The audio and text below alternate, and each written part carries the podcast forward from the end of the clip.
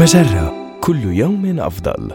من Harvard Business Review أحد مواقع مجرة. إليكم النصيحة الإدارية اليوم.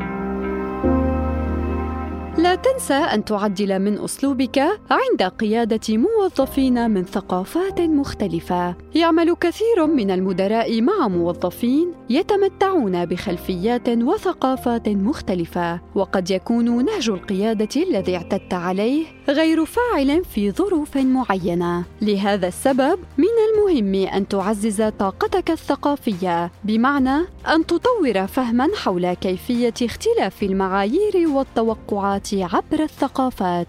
فكر في كيفية تأثر أسلوبك الحالي بخلفيتك وهويتك الشخصية. متى يكون أسلوبك في القيادة غير مناسب ومع من؟ قد يكون العمل مع مدرب ما أو إجراء تقييم حول كفاءتك الثقافية طريقة مفيدة لتحديد نقاط ضعفك ومعرفة كيفية معالجتها.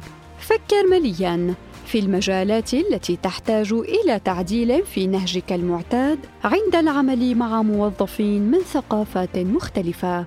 وضع في اعتبارك الإجابة عن الأسئلة التالية. كيف سترحب بالموظفين؟ كيف ستدير الاجتماعات؟ كيف ستحصل على مدخلات من أعضاء الفريق؟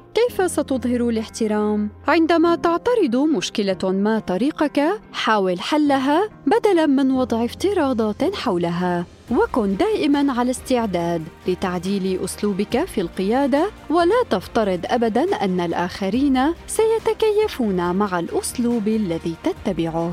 هذه النصيحة من مقال ثلاث طرق لتحسين طلاقتك الثقافية. النصيحة الإدارية تأتيكم من Harvard Business Review أحد مواقع مجرة مصدرك الأول لأفضل محتوى عربي على الإنترنت مجرة كل يوم أفضل.